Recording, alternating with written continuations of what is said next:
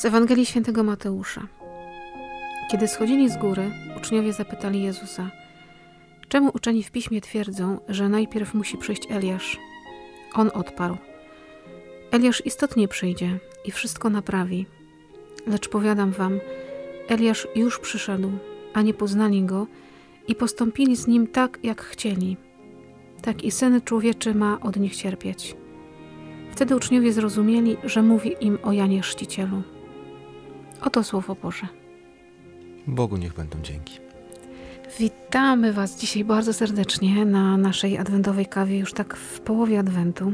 Przed nami już ostatni tydzień tak naprawdę. A dzisiaj na kawie ojciec Maciej Ksieszputowski, znany z różnych bydgoskich kręgów i nie tylko bydgoskich, nasz wypróbowany przyjaciel. I dlatego dzisiaj tą kawę wspólnie pijemy i pochylamy się nad Bożym Słowem, które dzisiaj wcale takie łatwe nie jest. Tak, szczęść Boże. Kawa jest wyśmienita, naprawdę. Anatol. W każdym razie zaparzona jest ogromną miłością, sercem, także smakuje pięknie. Rzeczywiście, Ewangelia może, może łatwa nie jest na pierwszy rzut oka, no ale myślę, że taka nie musi być. Dobrze jest, że trafiamy na fragmenty Ewangelii, które są dla nas wymagające, zostawiają nas troszeczkę z taką bezradnością i no, wymagają od nas tego, żebyśmy usiedli, zaangażowali się troszeczkę, przede wszystkim spotkali się z Bogiem i i zapytali, co to słowo w sobie niesie dla każdego z nas. Te tajemnice Boże w tym Bożym Słowie są. I Pan Bóg nas zaprasza do tego, żeby te tajemnice odkrywać. I pocieszające dla mnie jest to, że nie stawia przed nami wymagań nie do zrobienia, więc jest to jakoś do odnalezienia tutaj światło też w Słowie Bożym. Dzisiaj dla nas właśnie takie w mhm. Kościele nam dane, nie przez przypadek na pewno. No właśnie, Ojcze, co odkrywasz dzisiaj dla siebie w tym Bożym Słowie, w tym Bożym zaproszeniu? Hmm. Co odkrywam dla siebie? Tak naprawdę, kiedy pochyliłem się nad tym słowem, kiedy dowiedziałem się, że będziemy o tym właśnie mówili, to będzie ten dzień. Pierwsze, co jakoś mnie uderzyło i też starałem się to jakoś rozwinąć w sobie, dla mojej drogi życia, tak żeby to było dla mnie światło. Chrystus, który, który wraz z apostołami schodzi z góry. E, tak się zaczyna ta Ewangelia. Dla mnie w ogóle góry są e, taką przestrzenią bardzo, bardzo mi drogą, bo Dawno temu, kilkadziesiąt lat temu zaczęła się moja przygoda z górami dzięki mojemu starszemu bratu, który wciągnął mnie w kursy alpinistyczne i zrobiliśmy to wszystko razem. No i wiele pięknych przygód, y, wypraw wspólnych, takich braterskich y, w góry, gdzie uczyliśmy się wielu rzeczy, bo góry mają to do siebie, zwłaszcza wspinaczka. No wychodzi tam prawda o człowieku. Dla mnie to jest takie bardzo ważne, bo kiedy jest się w ścianie, zawieszony gdzieś tam na opuszkach palców i czubkach butów, no tam nie ma możliwości, żeby zakładać maski, tak jak to jest w codziennym życiu na, na równinie. Tak, nie da się udawać kogoś innego. Nie da się, nie da się, na pewno.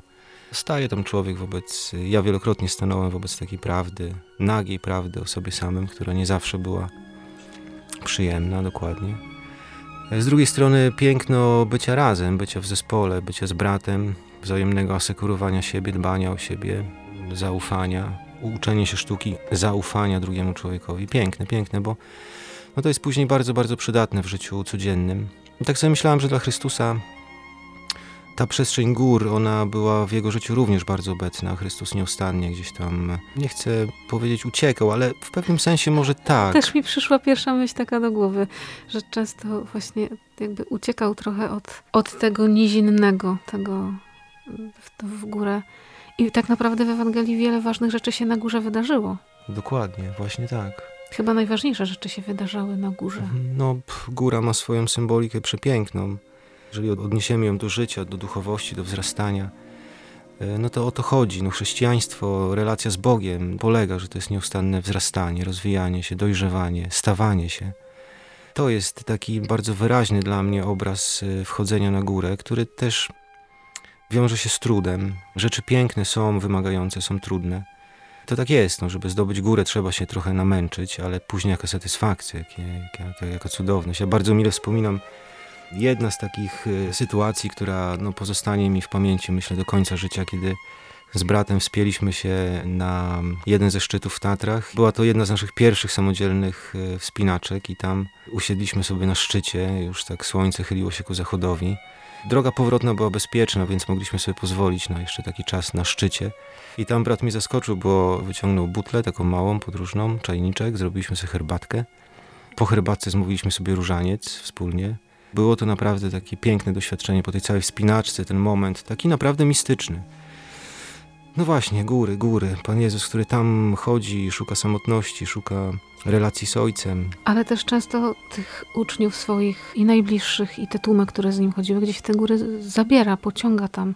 W górach też to jest chyba ważne, czego ja też doświadczyłam, że jakby musi być ktoś, kto mnie tych gór nauczy. Można się naczytać mnóstwo przewodników i obejrzeć tysiące filmów o tym, jak się wspinać, ale ostatecznie trzeba tam pójść i ich najlepiej jest, jak ktoś cię tych gór nauczy. Ktoś ci pokaże pewne drogi, drogi. No pewnie, że się człowiek potem sam ze sobą zmaga, ze swoim trudem, zmęczeniem, ze swoimi możliwościami, ale dla mnie to było błogosławieństwo, że ktoś mnie tych gór uczył i dzisiaj ja mogę kogoś uczyć. To jest też niesamowita przygoda.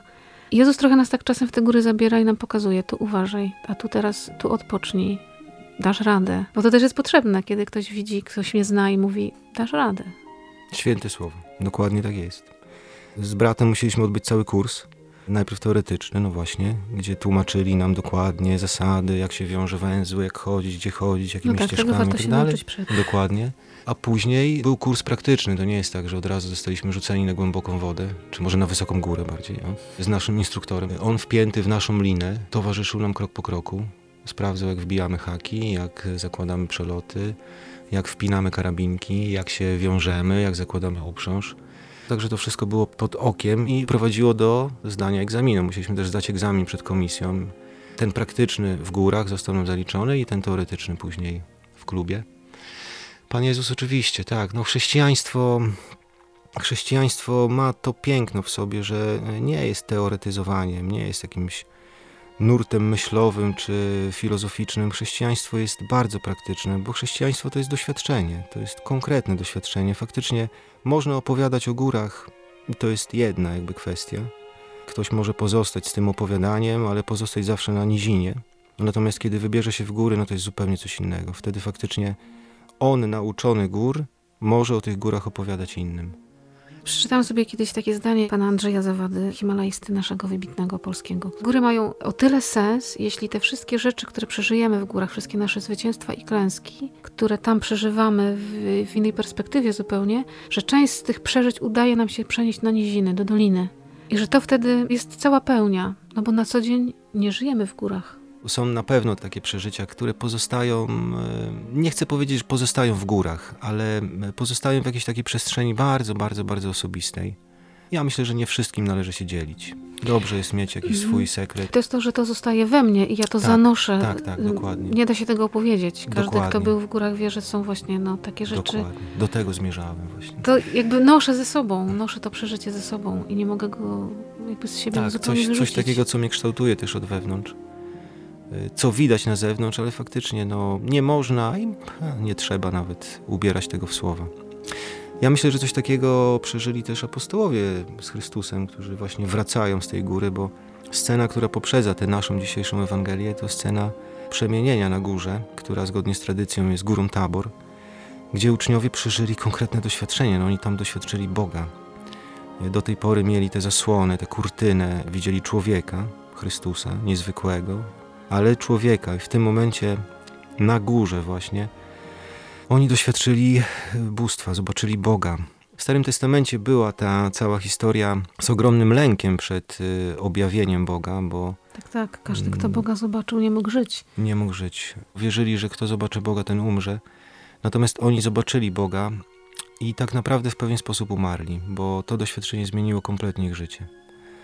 Ja myślę, że o to chodzi. Ten obraz gór ta góra, ta wyżyna, na którą Chrystus nas zaprasza, On nie chce, żebyśmy żyli na nizinie. Nizina jest smutna, nizina jest płaska. Natomiast On nas ciągnie ku górze, po to, żebyśmy tam doświadczali rzeczy, które zmieniają nasze życie. I kiedy później wracamy, bo powrót jest konieczny, Chrystus sam. E, no tak, tak, uczniowie bardzo chcieli tam zostać. Zróbmy namioty, oj tak, zostańmy, oj, tak, oj będzie tam tu cudownie. A Pan mm. Jezus mówi, mm, mm, wracamy. To też jest bardzo wymowne, bo no nawet w tej w przestrzeni religijnej można wpaść w taką duchowość alienacji od świata bo mi jest tak dobrze, bo zaangażowane są moje uczucia, bo emocje, bo jakieś spektakularne doznania i człowiek chce w tym pozostać. No nie, nie, Chrystus tutaj jest bardzo konkretny. Otrzymałeś to doświadczenie w darze po to, żebyś z tym doświadczeniem, z tym bogactwem, z tą twoją przemianą powrócił na nizinę i tę nizinę przemieniał.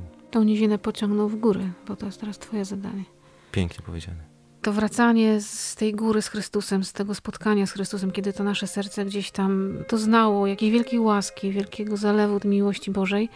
I czasem tak się wzbraniamy przed tym zejściem z góry w dół do tej naszej codzienności, bo ona jest czasem bardzo trudna, bo się trzeba z nią pozmagać, pościerać, trzeba się nad nią zatrzymać, trzeba pracować nad tym, a nam się czasem tak strasznie nie chce.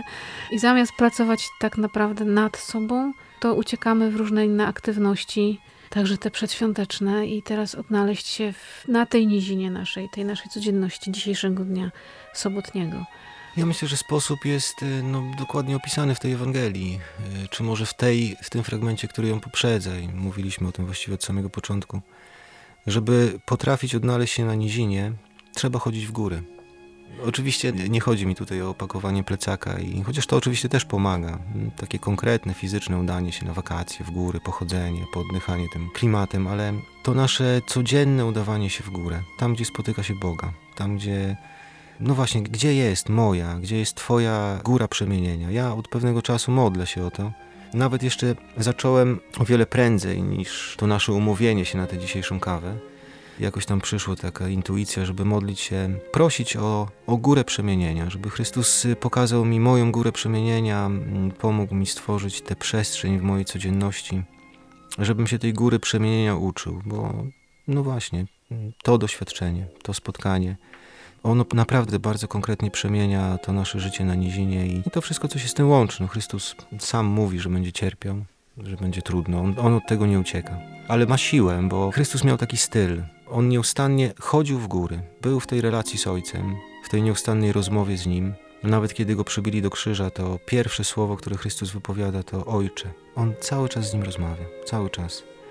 Ktoś, kto ma góry we krwi, ma góry w sercu, spokojnie poradzi sobie z wyzwaniami nizin. To z tym was zostawiamy na dzisiaj, żeby nam się chciało ruszyć i pójść w górę. Oj tak, oj tak, warto, naprawdę. Góry są piękne. To w góry ruszamy, pakujemy serducho i do boju, nie? Tak jest, od razu, na szlak. z Bogiem. Z Panem Bogiem. Zostańcie z Bogiem.